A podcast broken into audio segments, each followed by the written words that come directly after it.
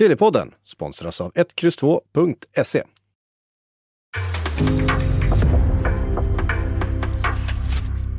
En podcast från Aftonbladet.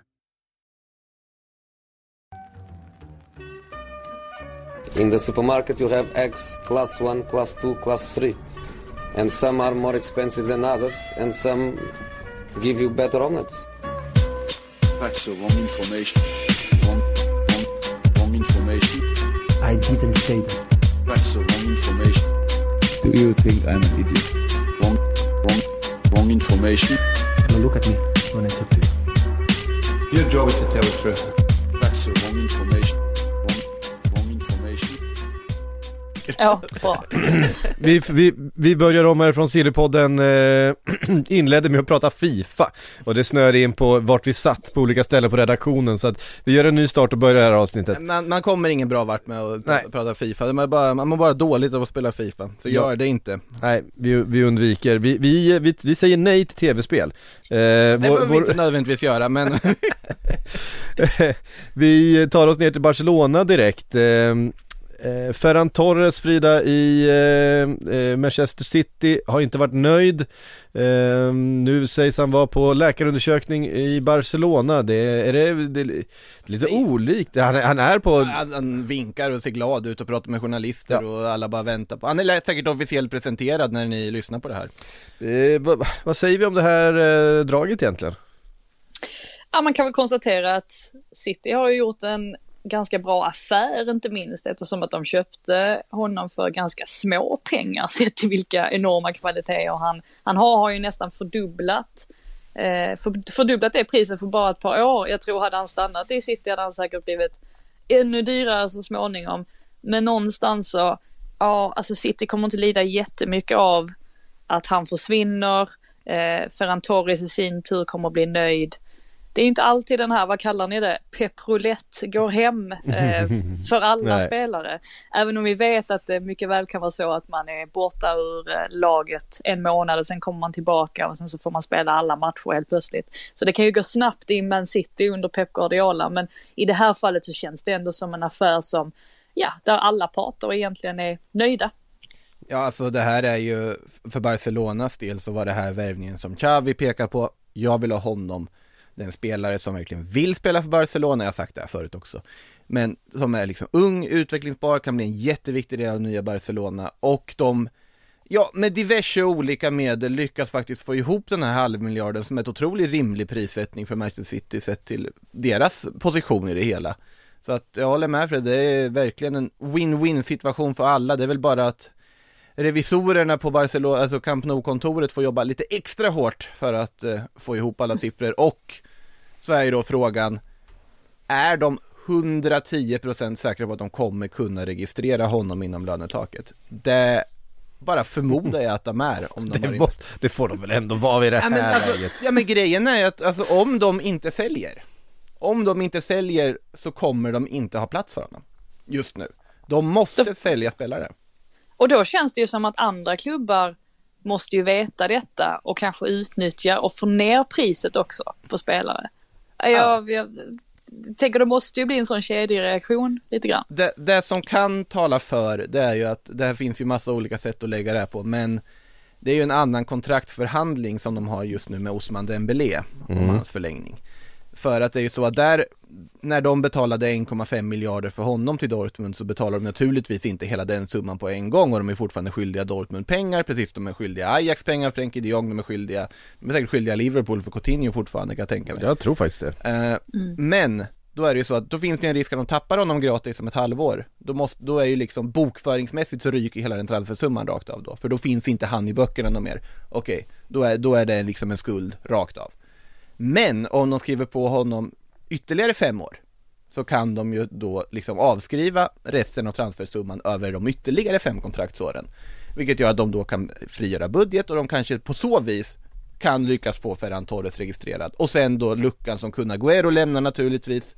Eh, vet inte exakta siffror hur, hur det funkar men det kommer inte vara så att det är inte som att allt utrymme släpps bara för att han försvinner. För det är också så att Barcelona ligger över lönetaket vilket innebär att de bara får nyinvestera 25% av det som de frigör. Eh, väldigt kort och enkelt sammanfattat. Så de är ju ett pussel för att kunna registrera honom i truppen. Det var ju det som gjorde att Messi inte blev kvar också, för att han fick inte registreras i och med La Ligas lönetak och att Barcelona överskrider det. Så att de måste väl vara övertygade om att de kommer göra sig av med Coutinho eller Umtiti på ett eller annat sätt om det så är med att liksom bryta deras kontrakt och kasta ut dem inlindade i liksom kära och fjädrar från i en skottkärra. Eller ja, på något vis. Eller att de får den här Dembélé-förlängningen då säkrad. Men eh, det är väl bara att lita på att de vet vad de håller på med. ja, jag, jag, känner inte riktigt att jag litar på dem. Nej, det gör man inte. Okay. Ja, men det, det, är ju, det är ju som våghalshet att det inte finns, alltså, alltså det finns ju inte liksom någon motsvarighet till det. Om det är så att de inte är helt och hållet säkra på att de kan registrera Ferran Torres och kan spela med honom när ja, liksom fönstret öppnar. Mm. Um, vi tar oss vidare då och stannar kvar lite i Manchester City för Guardiola har då kommenterat det hela. Eh, eller han har inte kommenterat Ferran Torres rakt ut men han har sagt att vi kommer inte värva en anfallare i vinter. Men enligt The Athletic så är Harry Kane fortfarande av stort intresse för klubben. Ja, lite, lite intressant ändå med tanke på att Kane har ju inte haft någon ja, någon sprudlande höst. Eller egentligen har han inte sprudlat alls sen hela den där eh, härvan med Manchester City slutade med att han blev kvar i Tottenham. Men ja, jag är ju inte jätteförvånad över att Guardiola fortfarande är på jakt efter en nia, för de, de har ju fortfarande inte någon och varenda gång de förlorar en match eller de missar en massa lägen, vilket ju det var ju ett tag sedan de gjorde det nu. Men när det väl skedde så var det ju alltid den frågan som dök upp. Ja, skulle ni må bra av att ta in en nia? Så att, att de fortfarande är på jakt efter en är ju inte överraskande. Eh, ja, sen får man väl se om det verkligen blir Harry Kane i, i slutändan. Jag kan tänka mig att det kommer bli någon annan ändå, att, att hans tåg lite grann har gått. Men med det sagt så tror jag väl definitivt att, alltså den Harry Kane vi har sett nu under hösten, vi vet ju att han kan spela på en helt annan nivå. Eh, så det återstår ju att se om han kan återuppta den, den formen ändå nu under vårkanten. Finns ju en viss annan norrman med lite yngre ålder som säkert kommer vara ganska intressant ja, för, för City till sommaren. Eh, de, de lär ju vara ett av lagen som kommer att kämpa allra hårdast för att säkra den signaturen ifall det nu blir aktuellt för Erling Braut Haaland att flytta från Dortmund i sommar och hur det nu är med den där utköpsklausulen som det ryktas om och vad de väljer. De, det är väl inte helt bestämt än vad vad Mino Raiola och Haaland har för liksom plan exakt och vart de vill men det får, återstår väl att se men City borde vara en kandidat och i alla fall vara väldigt aktuellt kan man tycka både sett till behovet de har sett till statusen de har byggt upp och så vidare så är det ju en väldigt passande destination för honom eh, även om det har dykt upp lite uppgifter här nu om att han ska föredra Spanien snarare än England sett till fotbollsstil. Men eh, och då finns det väl bara ett lag som är aktuellt för jag räknar inte med att Barcelona kan fixa i böckerna så pass mycket att de löser Håland också till sommaren. Det hade förvånat mig väldigt mycket men man vet ju heller inte vad som vad som hinner hända och om de kan lösa en halv miljard Ferran Torres, ja det är ju bara 25 miljoner euro till för Erling Braut Haaland om klausulen stämmer. Plus lite Raiola-pengar också. Ja, ja ganska Harry... mycket Raiola-pengar. och Harry Kane blir ju faktiskt, han blir ju 29 år nästa mm. år.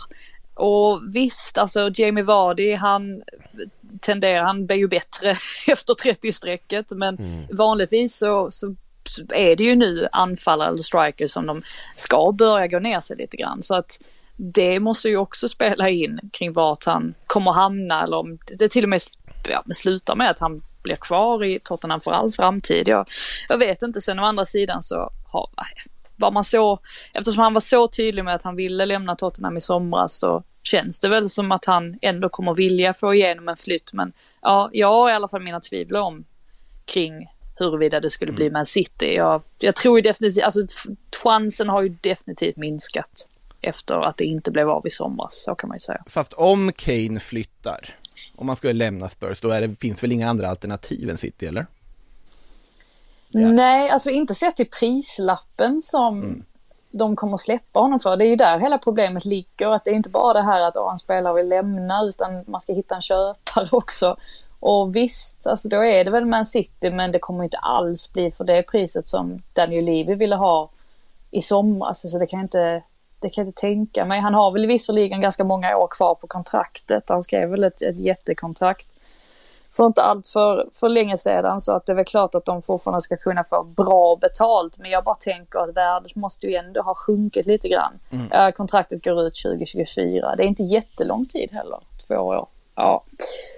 Det återstår väl att se. Som sagt, jag tror kanske att man baserar, baserar det lite på hur Kane har presterat nu på sistone också. Att det liksom spelar in i ens resonemang. Men ja, det återstår att se.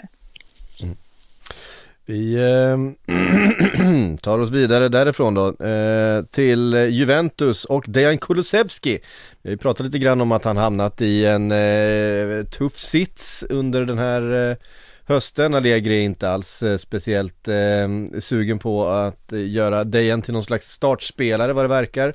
Eh, Everton eh, har kastats in i jakten då. De behöver ju fylla på där framme. Eh, de behöver ju mm, verkligen breddat sin trupp och haft stora problem. Eh, Calvert Lewin har varit oerhört skadad och eh, eller saknad ska jag säga och även eh, övriga anfallet har gått ett, har, jag kan inte ens prata längre, har det gått troll i Du är så ställd av Evertons ja, situation. Jag vet vad som hände, vi spelade in Premier League-podden här eh, innan. Och så skulle jag slänga i mig en macka emellan bara, bara ta en bensträckare. Jag bet mig så jävla hårt i tungan att jag kan inte sluta tänka på hur min tunga liksom eh, under tiden när det bara svullnar jag, så, jag såg detta live. i munnen på mig. Ja det gjorde svinont. Ja, så att eh, allt sluddrande idag, eh, bara idag, sluddrande i övriga fall. Men, men är, du i det här stadiet där liksom det som gör ont har gått över och du bara sitter och tänker hur dum i huvudet du är som lyckas bita din egen tunga? Nej, det, det, pul det, pulserar fortfarande i tungan kan jag säga. Ah, okay. Gud. Det gör, det gör ont. Everton i alla fall in i matchen om Dejan Kulusevski. Enligt Calcio Mercato eh, ska han ha en prislapp på 35 miljoner euro. Eh, även Tottenham eh, sägs vara intresserade Kanske även Arsenal, vi har pratat om det eh, förut men mest bara på våra egna spekulationer. Ja eller italienska eh, spekulationer men de... Ja det har funnits lite grann men de har väl annars rört sig om någon annan spelare från Juventus va? Eh, vem var det? Alltså, var, ja, Artur såklart men det är alltså varenda ja, spelare som på något sätt är till salu i Juventus har ju kopplat samman med Arsenal eller Tottenham. Mm. Arsenal för att man gillar att koppla samman Arsenal med saker och Tottenham för att de har Paratici som sportchef. Mm. Och därför så ska ju Tottenham naturligtvis värva halva Juventus nu. Eh, Weston McKennie vill de ju ha också. Paketpris mm. 70 miljoner euro skrev väl Calcio Mercato. Mm. Finns, finns, finns det inga jag litar så lite på som Calcio Mercato när de Nej. har Premier League-rykten? Det tar man med en riktigt stor nypa salt. Jag, eh, jag toppar dig med El Nacional. De, enligt dem ska tydligen, eh, ja, Reef James ska till Real Madrid och Real Madrid har erbjudit Eden Hazard i utbyte. Och Rodrigo ja, ska köpas jättebra. till Liverpool och all, allt vad det är. De hittar på jättemycket roliga saker varje dag, det är otroligt underhållande. Måste vara, ja, det måste vara kul att jobba där framförallt. Ja, det måste vara fruktansvärt roligt. stories på, på morgonen. Mm. Men just, eh, just Weston McKennie tycker jag är lite intressant för att mm. eh, de ryktena har man ju sett och de så, såg man ju redan i somras att ja, att han ryktades dit och det är väl mycket på grund av Paratici såklart och hans eh, connections till Juventus. Men sett till att Conte nu har kommit in så alltså är frågan om McKennie ändå, ja, om han är rätt spelare att plocka in. För jag tänker han har ju ändå haft en del disciplinära, ja vad säger man, breaches. Eh, och han ska vara en sån här spelare som kanske inte sköter sin kosthållning riktigt, att han inte eh, riktigt kan ta till sig alla taktiska instruktioner och det där känns ju som den typen av egenskaper som Conte verkligen avskyr och som han inte mm. alls accepterar. Men å andra sidan så i och med att, de spel, att Tottenham spelar med en trebackslinje nu så är de ju behov av en, ja alltså någon som kan göra mål från mittfältet.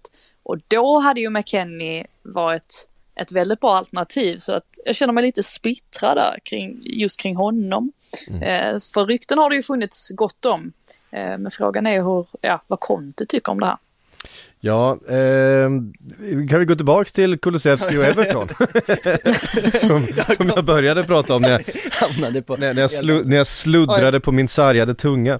För, ehm. förlåt, förlåt att jag, att jag bytte. det är helt okej. Det finns med på körschemat här också, de, de hänger ihop punkterna. Jag vill, okay. jag, jag, vill att vi pratar mer om Kulusevski bara innan alltså, vi, så vi inte glömmer den. Så här, jag vet, Arsenal känns ju spontant just nu som att vart skulle han gå in där? De, alltså, ensam centralforward ser inte jag riktigt Dejan Kulusevski som, även om just hans egenskaper kanske hade passat väl i den rollen som en ensam centralforward har i Arsenal med tanke på vad som finns runt omkring.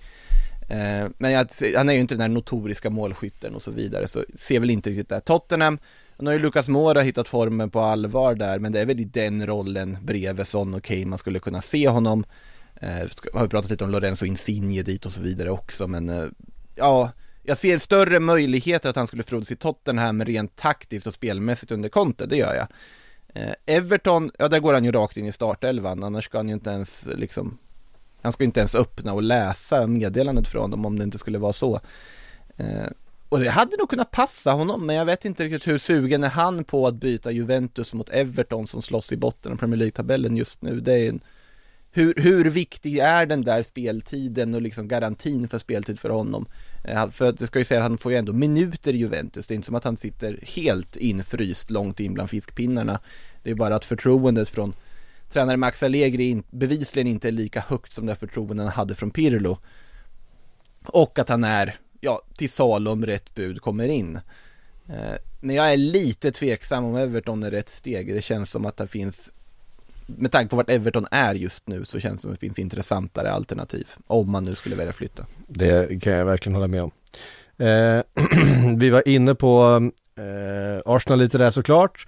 Vi har fått fråga här från Bobby som vi läste upp även i Premier League-podden som vi då skickade vidare till oss själva i framtiden och här sitter vi nu. Eh, vem är lösningen på Arsenals eh, nummer 9 problem? Eftersom Lacazette inte kommer förlänga och de uppenbara problemen med Aubameyang. Sen fyller jag på då med AFC Alex som skriver Fiorentina verkar ha fixat en ersättare till Vlahovic.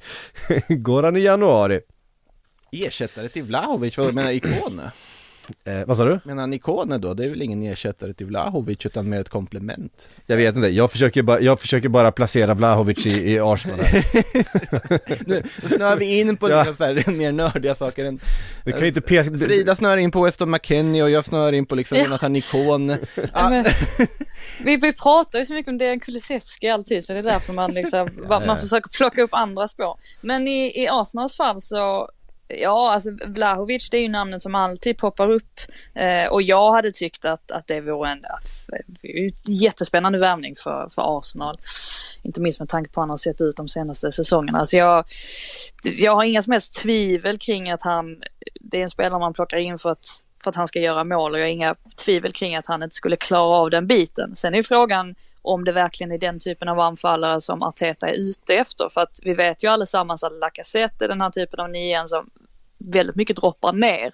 Och jag vet att när Gabriel Martinelli gjorde sitt mål mot West Ham var det väl, häromveckan, eh, så sa han i sin postmatch intervju att det är någonting de har tränat på väldigt mycket, just det här att Lacazette droppar ner och sen så var det ju Lacazette som spelade fram bollen i djupled till Martinelli så att det visar ju att det är ju någonting de, de tränar på, alltså just det här att nian ska droppa ner. Och Vlahovic, alltså sett till alltså hans stats så är ju inte han riktigt den typen av anfallare som droppar ner så mycket som kanske Arteta vill att en striker ska droppa ner. Så att det kanske gör att man ser sig om lite grann efter andra, ja, eller att man kikar på, på andra typer av anfallare och en av dem är ju Jonathan David som man har som har funnits på deras radar väldigt länge. Det är väl många, inklusive då Alex Isak, som finns på deras radar. Men det är ju också en, en sån där som trots då att Lill kanske har gjort lite sämre ifrån sig under den här säsongen så har ju han stuckit ut med, med alla sina mål. Så att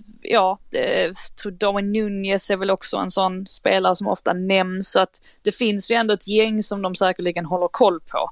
Eh, sen är det ju frågan vad Arteta föredrar. För man ska komma ihåg det också att Arteta har ju han har ju väldigt mycket makt i Arsenals rekryteringsprocess. Det är ju han och Edu i stort sett som, som sköter den biten i mångt och mycket. Så att eh, ja, eh, men någon måste ju komma in i alla fall. Ehm, som, ja, jag tror, precis som jag sa i Premier League-podden, så tror jag ju inte på att förlänga Lacazettes kontrakt och då eh, måste ju någonting ske, eller någon måste in. Alltså, mm. Vlahovic, Isak, Jonathan David, alla de hade ju varit superval om man skulle få någon av de tre så hade det varit kanonbra. Jag är ganska övertygad om vi kommer att nämna Julian Alvarez i River även till Arsenal i någon sammanhang och den känns ju inte helt osannolikt att de skulle ge sig in. Dock började jag få lite förbjudna tankar när du pratade om nia som droppar ner, liksom som kan fungera på det viset. Vi har suttit och pratat om en annan forward tidigare i det här avsnittet. Kommer aldrig hända, men hade inte Harry Kane passat fruktansvärt bra?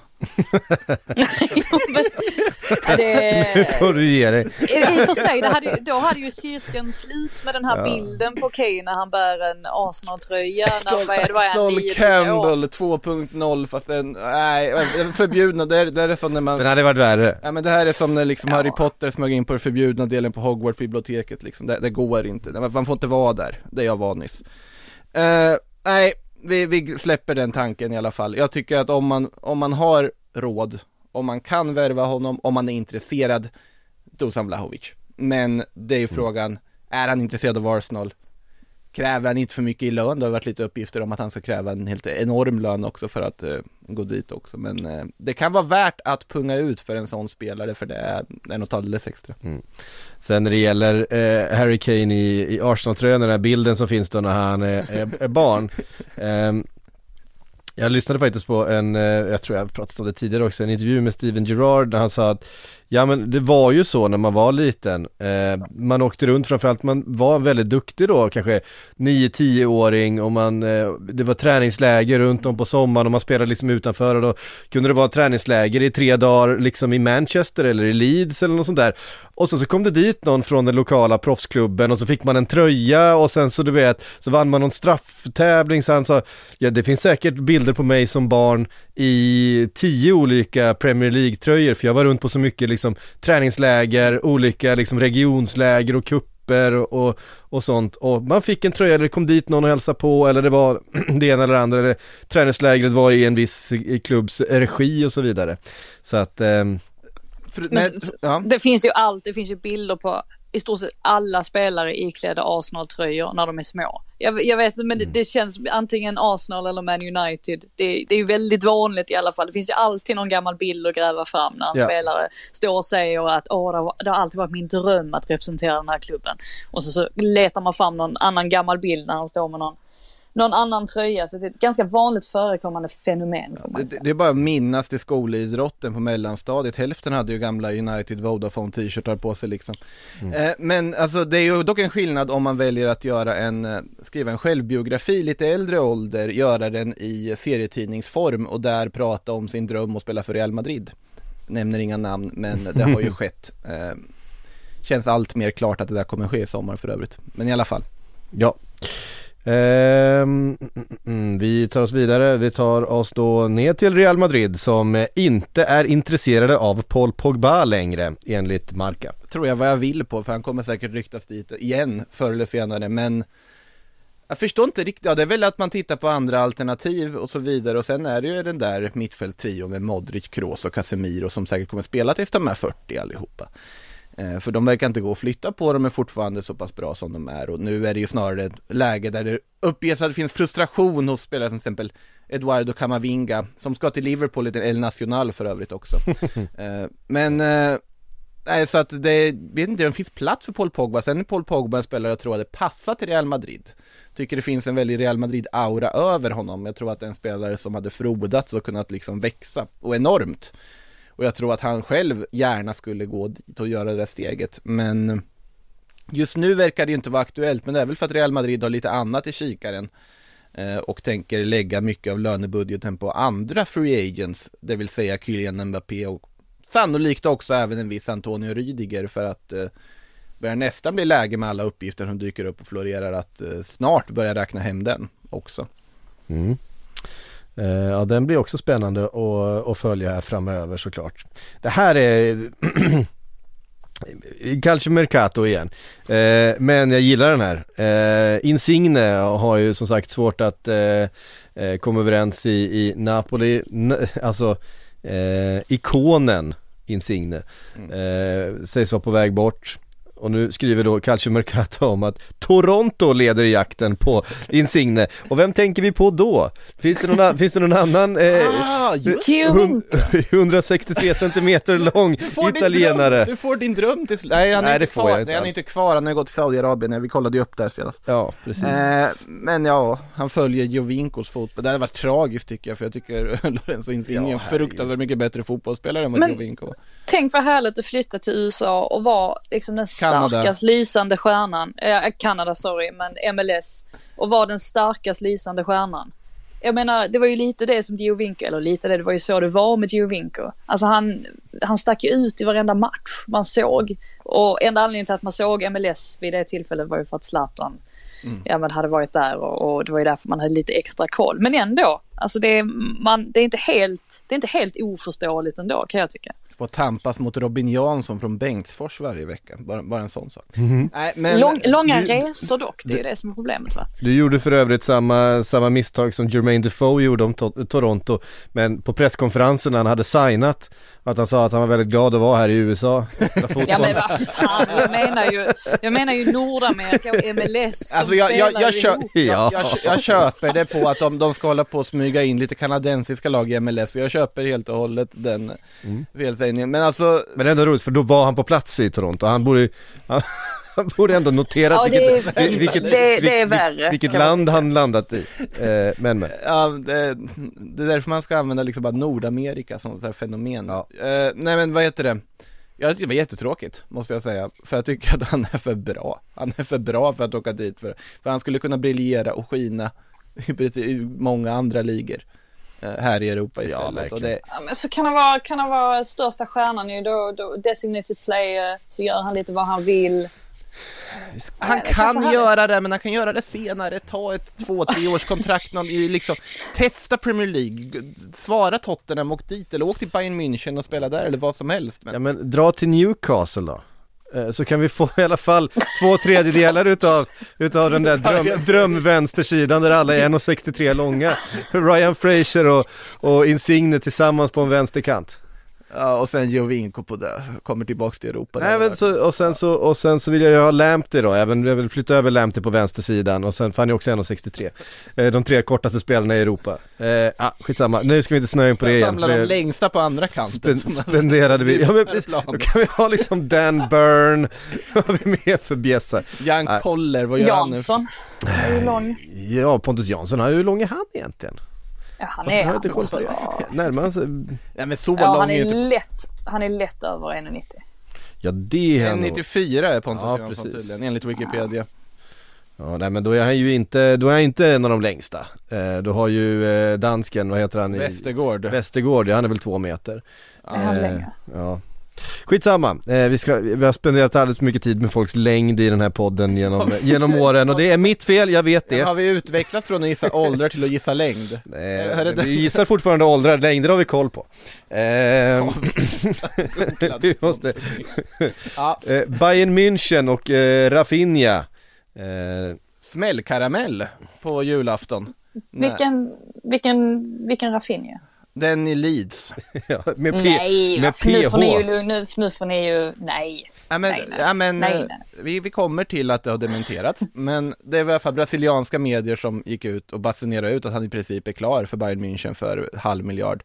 Och att det till och med har gått så pass långt att hans tidigare brasilianska klubb Avai har liksom redan budgeterat för den liksom så här vidareförsäljningspengarna som de kommer få på att Rafinha säljs. Eh, Det här har ju då dementerats att det ska vara någonting klart överhuvudtaget från eh, ja, både liksom lokalmedia i, i Leeds och samtidigt även tyska medier, Bild och så vidare. Eh, Däremot så är det ingen som säger att den inte kommer att säljas förr eller senare, för Leeds är medvetna om att förr eller senare kommer de ju säkert behöva sälja honom. För förr eller senare kommer ett bud som är för bra för att tacka nej till. Jag ser det absolut som en möjlighet att Bayern München går för honom till sommaren. Jag tror inte det sker Mm, i vinter. sommaren. Inte Alltså de har ju inte, herregud, alltså den kris som Leeds har just nu, alltså det är ju, den, är ju en av de Ja. värsta kriserna man har skådat. De har ju, har ju knappt några, får knappt ihop ett lag till matcherna. Så att de då skulle släppa sin bästa spelare, det känns ju, nej det hade känts som oerhört konstig timing Så att absolut, framöver tror jag också för Rafinha är, jag tycker att Rafinha är en av ligans absolut bästa spelare egentligen, han är på sin topp. Så att, att han kommer lämna så småningom, absolut. Men just nu i det här krisläget kan jag absolut inte tänka Man kan ju vända på det, hur sugen är Rafinha på att vara kvar i det här krisläget? Men jag absolut jag håller med dig. Jo men hur ska det gå till? Alltså Leeds måste ju gå med på att släppa honom. De kan ju inte, det kan ju Borde- inte bara hänga på Det Rafinha. borde inte vara så svårt att göra sig till persona non grata hos Marcelo Bielsa. Ja fast. Ja. Nej, Jag tror, jag, jag tror, jag kan inte, jag, jag blir väldigt förvånad om det händer så mycket. Jo, alltså i vinter skulle jag väl förvåna om det händer, men eh, förr eller senare. Ja, nej, Leeds just nu på 16 plats i, i ligan eh, och dessutom lag bakom som Burnley och Watford med eh, matcher till godo på dem då, eh, kvar att spela. Nu tar inte Watford och, och Burnley speciellt många poäng på sina matcher, ska sägas, men, eh, men ändå, det, det är långt ifrån det Leeds vi såg förra säsongen som eh, var med och krigade på övre halvan. Eh, helt klart. That's the wrong information. Sillypodden är den här veckan sponsrat av 1X2.se och med i vanlig ordning så har vi Andreas Nord för att berätta lite mer om eh, vad som händer där. Ja, tackar Patrik. Vi har den här drömresan man kan vara med och tävla om tillsammans med 1X2.se och Sportbladet. Där man alltså har chansen att få åka iväg och kolla på lite fotboll någonstans i, ja, varför inte någonstans ute i Europa, kanske rent av i Premier League. Det har ett speltips till den här veckan. Mm, det är ju mycket, mycket fotboll i England just nu över, över julhelgen. Eh, vad är det för spel du har hittat? Ja, mitt speltips för den här gången hittar vi i Premier League och matchen mellan Leicester och Liverpool. Ett eh, Leicester som åkte på en ordentlig plump mot City, en 6-3-förlust. Riktigt målkalas med andra ord. Leicester har ju mycket oklarheter i truppen och riskerar ju att eh, fortsatt sakna ganska mycket viktiga spelare mot ditt Liverpool här, Patrik. Mm, precis. Eh, Liverpool fick ju lite längre vila också i och med att eh, matchen mot Leeds blev inställd. Så jag tycker att det finns ja, god anledning att tro att Liverpool kommer gå ut och eh, kanske rent av kunna köra över det här eh, Leicester faktiskt. Så jag spelar Liverpool minus ett och ett halvt mål till 2-10 gånger pengarna, vilket betyder att Liverpool måste vinna matchen med minst två mål för att spelet ska sitta. Och jag tror att de kommer göra det. Just det. Och fler eh, speltips och dessutom tävlingen, den hittar ni på 1X2.se. That's the wrong information. Eh, Rafinha med F då, Den känns ju mycket mer sannolik. Real Sociedad.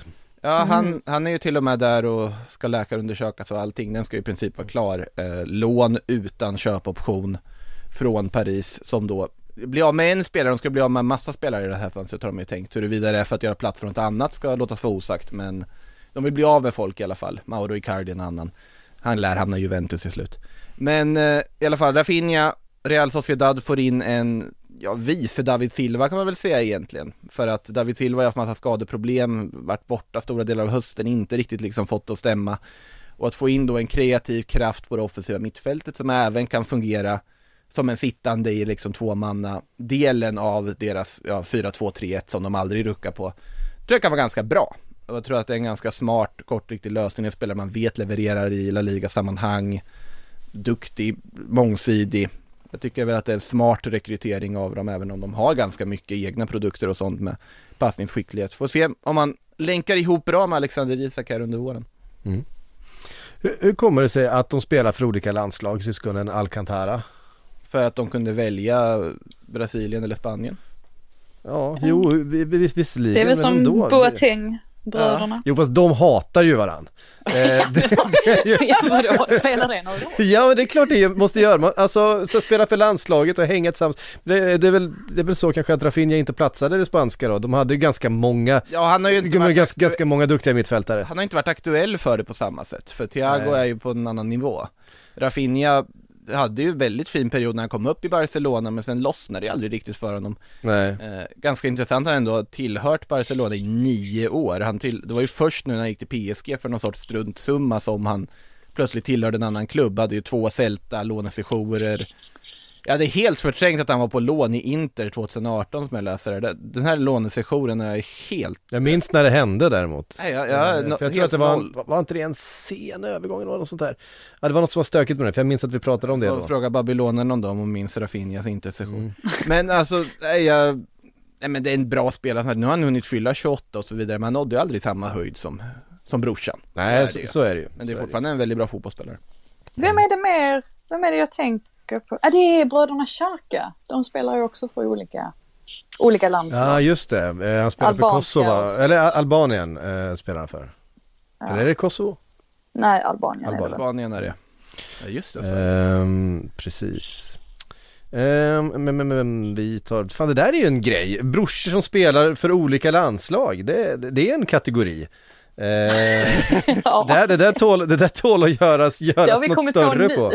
Det där, Ja. ja. men det där tål att göras någonting på. Nu har vi ändå liksom kommit på tre stycken olika brödrapar som spelar för olika landslag.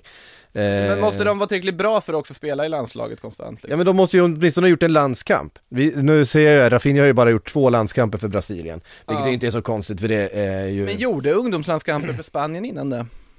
Ja du ser. Mm. Eh, nej, vad finns det andra brorsor som har spelat i olika landslag? Det måste ju ha funnits bröder som har spel, representerat England respektive Irland. Eh, eller? Nu kommer jag inte på någon bara därför. Kanske jag, jag hade nog, ja, Skottland hade jag nog, eh, Mm. det känns ofta som att skottar, alltså som att det ibland kommer skottar som kanske inte är jätteskotska. Skottar som Men, eh, inte är jätteskotska. Nej men alltså att de har så här, åh, mamman är liksom Inte så skotsk. född i, Skott, född i Skottland. Och, ja. Ja, ja, jag fattar. fattar.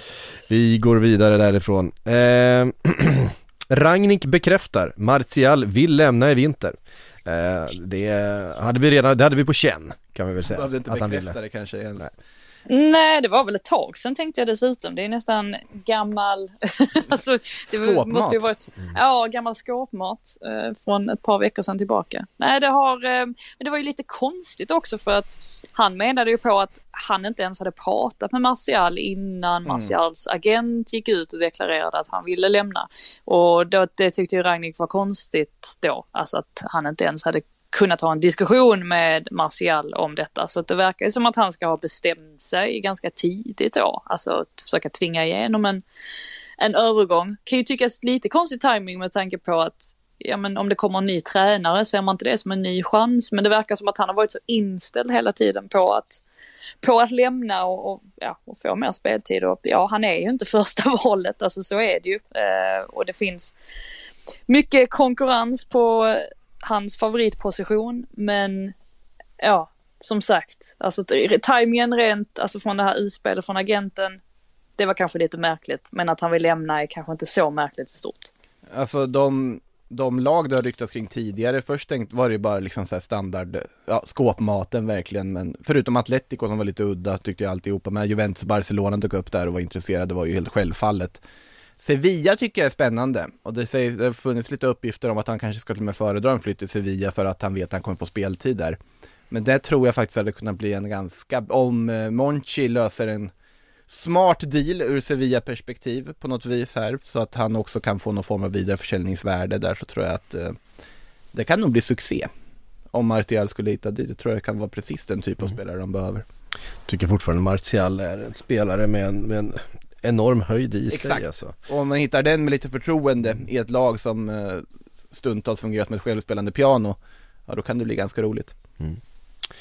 Eh, Everton igen, de värvar ukrainsk eh, vänsterback eh, Vitali Mykolenko eh, Dign ska ju helt och hållet ha tröttnat på Benitez, eller ja, det kanske är tvärtom Benitez som har tröttnat på Dign eh, Ja. Så frågan är vart han ska, det är ju en kvalitetsvänsterbacken då tycker jag Ja, ja men eh, verkligen så en av de, en av de bästa ju i, eh, i ligan får man säga. Men eh, ja, alltså jag, jag tror väl att de flesta, alltså just det här med, med Benitez också, man bara tar lite om det, alltså om supportrarna och vad de känner inför Benitez. Det här gör ju inte hans status, det förbättrar ju inte hans status som, som tränare i Everton, att han gör sig ovän med en av deras absolut bästa spelare. Men eh, ja, alltså har han tröttnat så, så har han. Eller det har ju skurit sig på något vis i alla fall. Ligger det något i Chelsea?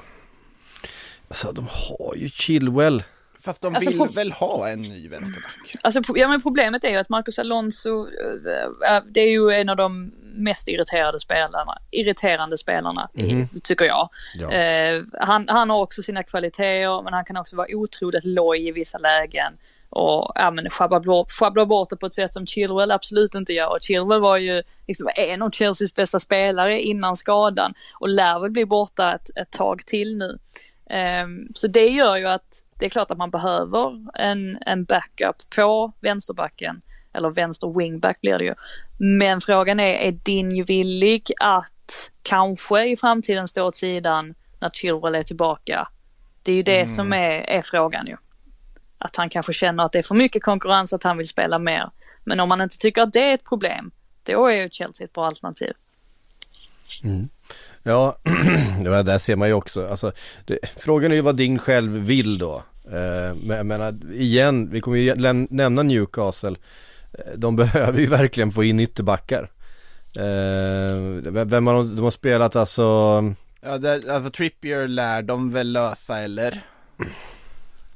ja vem, vem, precis. lär, Newcastle lär väl lösa Newcastle. Trippier i slutändan. ja, det, det verkar väl som det va? Alltså nu har jag inte hört så mycket den senaste veckan men det verkar väl vara, verkar väl fortfarande finnas intresse från båda, från båda håll.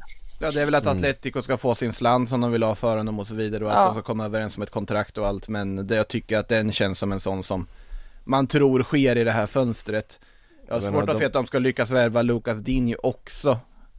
Eh, sen får vi se när liksom fönstret börjar ticka igång här nu hur desperat Dinho blir för han vet ju att hans situation i Everton är inte den optimala och värvningen av Mikolenko eh, det är såklart inte en vänsterback i samma nivå som din men samtidigt så skickar den en signal om att det kan nog vara en januariförsäljning annalkande i alla fall. Eller en utlåning. Men, ja, och man undrar ju också hur, för att alla vet ju att nu har Newcastle pengar och allt det där. Mm. Men hur attraktivt är det att gå till en klubb som ligger näst sist i tabellen? Exakt. Det måste ju också spela in, tänker jag, när man fattar ett sånt beslut. Då kanske man hellre går till Chelsea som en, en toppklubb. Men man kanske vet om att i framtiden får jag inte spela varje match. Nej. Så att, ja, Man, det är man går till en avvägning. toppklubb och sen efter ett år så gnäller man över speltid och så vill man bort igen. Och Nej, men så det är ju också så här, vidare. Så, så, länge man, så, så länge man eh, kan bli övertygad om att vi kommer hänga kvar, vi kommer göra den här och den här investeringen. Går man till Newcastle nu så kan man då också vara med på ett tåg där man vet att det här är framtida toppklubb eh, det, och, och vara med på den resan. Eh, Men den- vi, vi, den- vi tror på dig, vi vill investera i dig, här har du en lön, du blir kanske ligans eh, bäst betalda vänsterback.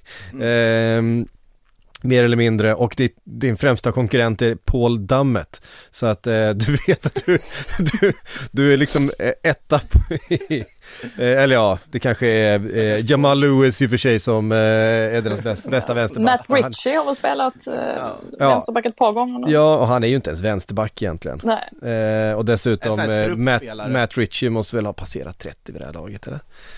Ja. Fast han är en sån här spelare man gillar att ha i en trupp. Ja, ja, nej men jag, har, jag tycker eh, Matt Ritchie har, har sina kvaliteter men, eh, men eh, Dign hade ju såklart Men lyft just- det där men- eh, vänsterbackspositionen rejält. Men den där pitchen på att en framtida klubb, den kommer ju bara funka först i sommar när de sitter med ett Premier League-kontrakt om de har säkrat det. Jag förstår ju om det är många spelare som inte vill gå dit och riskerar det nu. Eh, och då kommer det ju säkert vara, det har ju rapporterats om i Trippier-fallet och så vidare, många andra fall också, att det kommer ju vara release clauses då. Mm. Sannolikt, ifall de ska signa på kontrakt nu. För det är faktiskt ett läge där det är otroligt osäkert om de håller sig kvar. Så att, Mm. eh, det, det är väl smart av både Newcastle och av spelarna att förhandla in sådana. Vi eh, ehm, tar oss vidare därifrån då. Eh, Roma är intresserade av Ainsley Maitland Niles eh, på lån.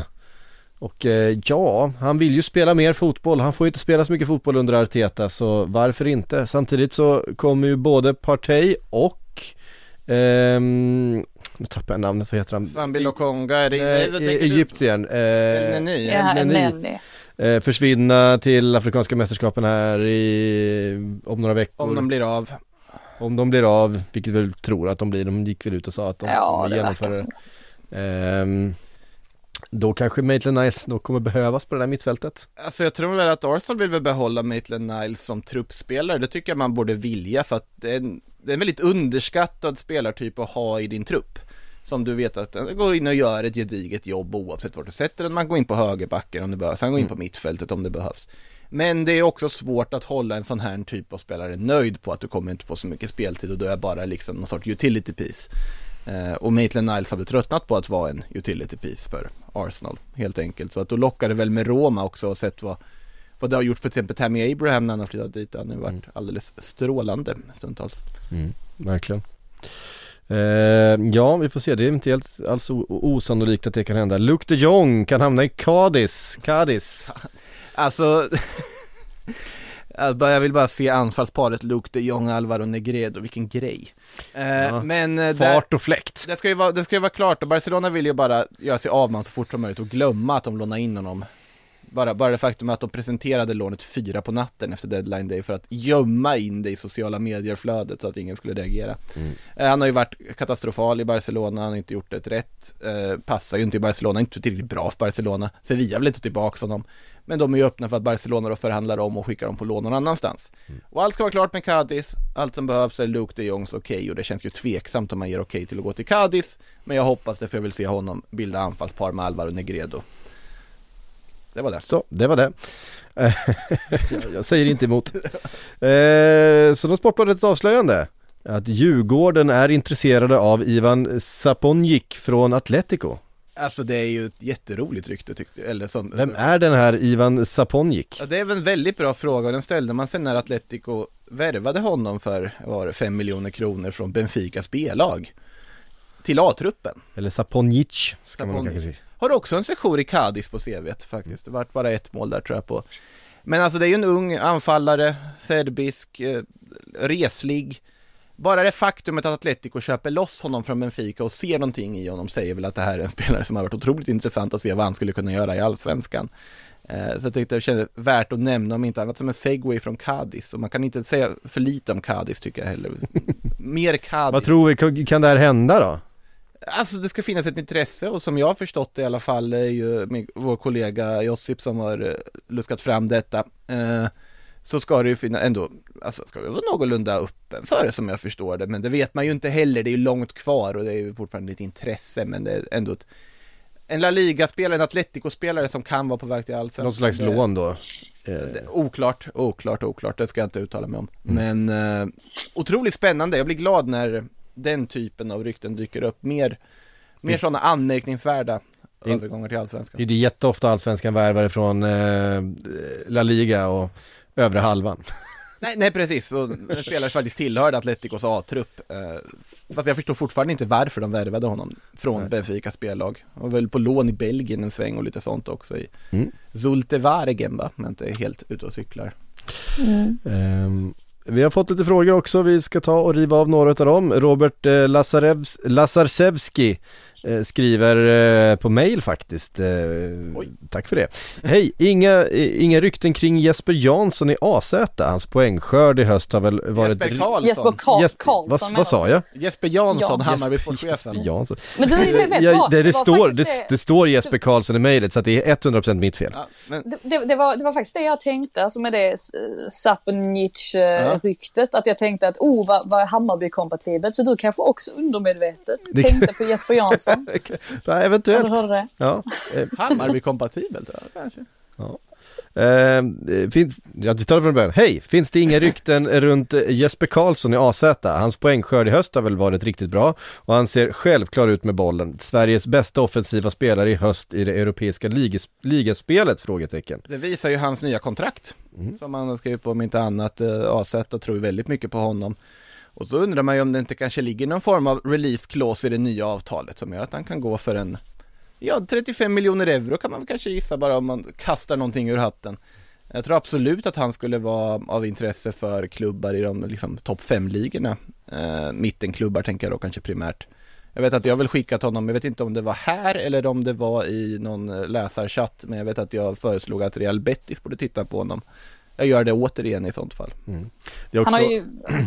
han har ju klättrat, klättrat väldigt mycket i hierarkin får man ju säga i landslag, landslaget på väldigt kort tid. Alltså Ken Sema är ju en sån spelare som liksom har, har fallit ner och sen så har ju Jesper Karlsson då, han har ju faktiskt övertygat de gångerna han har fått chansen. Så att ja, väldigt fin höst från, från hans sida. Han har ju vissa egenskaper som är, det är otroligt underhållande spelare att titta på tycker jag också verkligen. Hoppas att han, jag vill se honom i La Liga, vill jag göra. Jag tror att det skulle kunna vara riktigt bra för honom. Ja.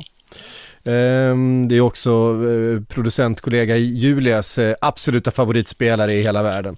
Eh, Julia, Är hon från Falkenberg eller? Julia, nej det är hon inte, hon klipper poddar här på Sportbladet. Ehm, Då kan man inte göra det om man är från Falkenberg. Ja, jag är de från Falkenberg? Nej, hon klipper poddar där på Aftonbladet. Vad var det för... det, det, det blev en, det blev en, ett syftningsfel där. Vi- jag, jag, jag, jag insåg att kanske inte våra lyssnare visste vem, vem producent Julia var. Eh, men, men, men, men, det, det, går finns inte... ingen det, anledning till att hon tycker om Jesper Nej, Karlsson. nej inte, någon, eh, inte någon geografisk anledning i alla fall. Eh, Men det, Ah, okej. men det är på en nivå där vi inte kan nämna Jesper Karlsson utan att nämna Julia i samma andetag.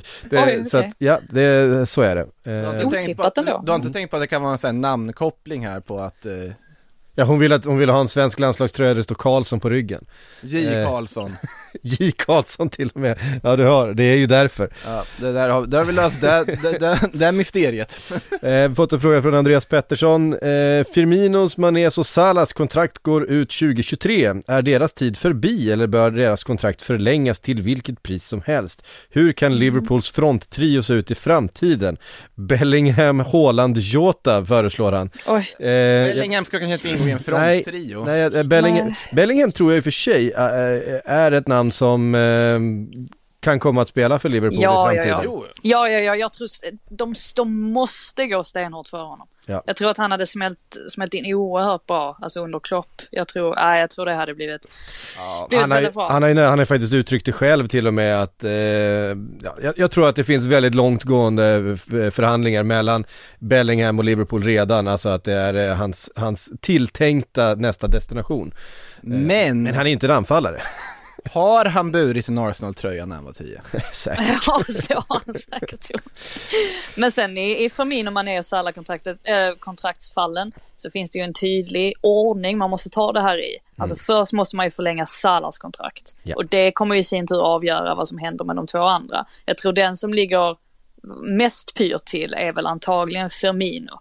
För att det känns som att, ja men där har man ju ändå Jota och man tänker, ska man liksom flytta vidare? Man får inte heller, säger jag samma motto som jag tog upp i, i eh, Premier League-podden precis, men att just det här att du släpper ju hellre en spelare ett år tidigare än sitter med deras lön, alltså en, en massa år. Så man kan inte heller skriva så långa kontrakt. Det var ju det som gjorde att Wijnaldum valde att lämna till exempel. Att Liverpool skriver ju inte den typen av kontrakt med spelare som de vet kanske inte har så många år kvar i sig.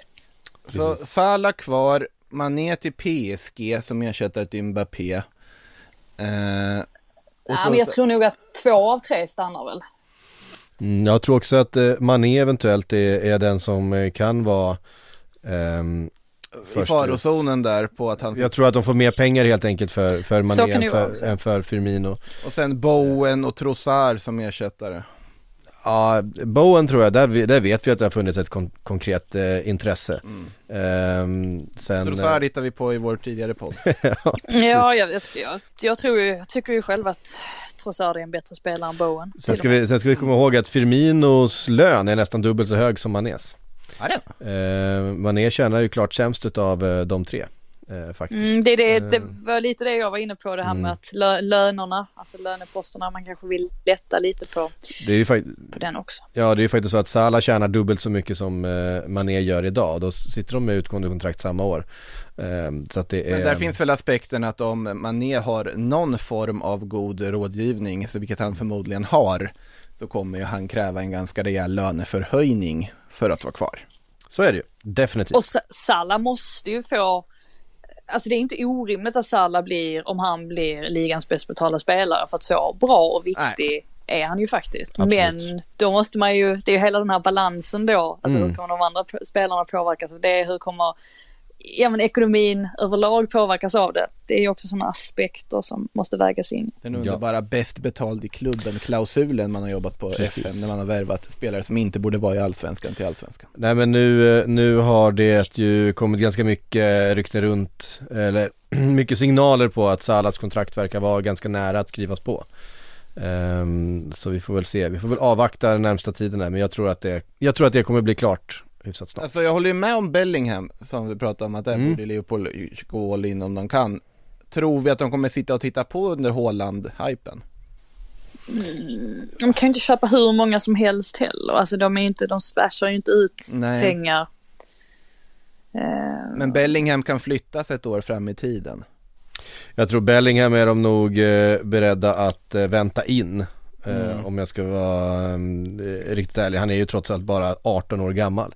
Eh, så att Ja, eh, han- om, Be- om Bellingham kommer till sommaren eller till nästa sommar eller när man hittar en, en, eh, en deal med, eh, med Dortmund som är Det här måste liksom- ju få puttra över en sommarfönster. Det måste ju få ryktas hit och dit och Mm. Han har Bellingham kon- slutar med att han vill vara kvar ett år till. orkar, orkar vi det?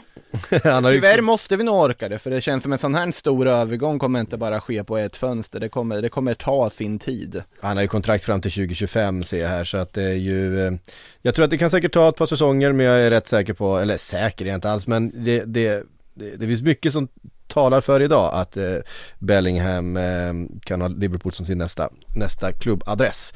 Han är ju bara född 2003 vet du. Det är, Det är sjukt. det är helt ehm, Det är bisarrt. det är bisarrt. Jag menar vi pratar, vi, vi pratar mycket i början av säsongen om Harvey Elliott som också är född 2003. Eh, som har kommit in, men då har ju Jude Bellingham etablerat sig på ett helt annat sätt i, i Dortmund. Och han är faktiskt lika ung. Eh, det, är, det är ruggigt imponerande. Hörde ni, det var allt vi hann den här eh, måndagen mitt i mellan jul och nyår. Eh, vi önskar god fortsättning. Vi får se ifall eh, Makoto och de övriga skiftgående reportrarna här eh, lyckas trumma ihop ytterligare ett Silja-avsnitt i veckan. Eh, det, vi, vi låter det vara osagt, hur som helst är vi tillbaka nästa vecka igen eh, under 2022. Då har vi klivit in i, då är fönstret öppet. Eh, det hoppas jag ska sätta lite fart på grejen också. Det har varit li, lite halv, halv, alltså, vi, Ja, Fe- Ferran Torres-grejen tycker jag är stor. Ja, men den är stor, absolut. Och sen ska vi Men säga, januari är väl alltid så här eller? Jo, det är väl sant. och, och sett till att ett januarifönster tycker jag ändå vi har ganska mycket aktivitet, men det är ju mycket beroende på att, alltså det är så många intressanta kontrakt som går ut i sommar. Så det är mycket surr kring det, men så här, jag nämnde Jonathan Nikone i förbifarten, men det är ju Ja, värt att nämna liksom. Absolut. Alltså Fiorentina, det är en jättefin värvning av dem från Lille. Vi har väl i princip klart nu också att Jeremy Boga ska till Atalanta från Sassuolo. Serie A-klubbar som rustar på ett väldigt spännande sätt. Två supervärvningar tycker jag ska bli väldigt spännande att följa i våren. Så att ja, visst har det hänt saker, tycker jag i alla fall. Lite har det hänt. Eh, hörde ni, tusen tack för att ni har lyssnat. Eh, Sillypodden är som sagt eh, tillbaka snart igen. Vi vet inte riktigt när. Det är ju, eh, det är ju ledigheter och det är nyårsafton och sådana här saker. Eh, men eh, som minst är vi tillbaka eh, nästa vecka igen då. Så vi säger på återhörande. Life is made up of many gorgeous moments. Cherish them all, big and small, with Blue Nile. Whether it's for yourself or a loved one, Blue Nile's unrivaled selection of expertly crafted fine jewelry and statement pieces help make all your moments sparkle. Blue Nile's experts are on hand to guide you, and their diamond guarantee ensures you get the highest quality at the best price. Celebrate a life well lived in the most radiant way and save up to 30% at BlueNile.com. That's BlueNile.com.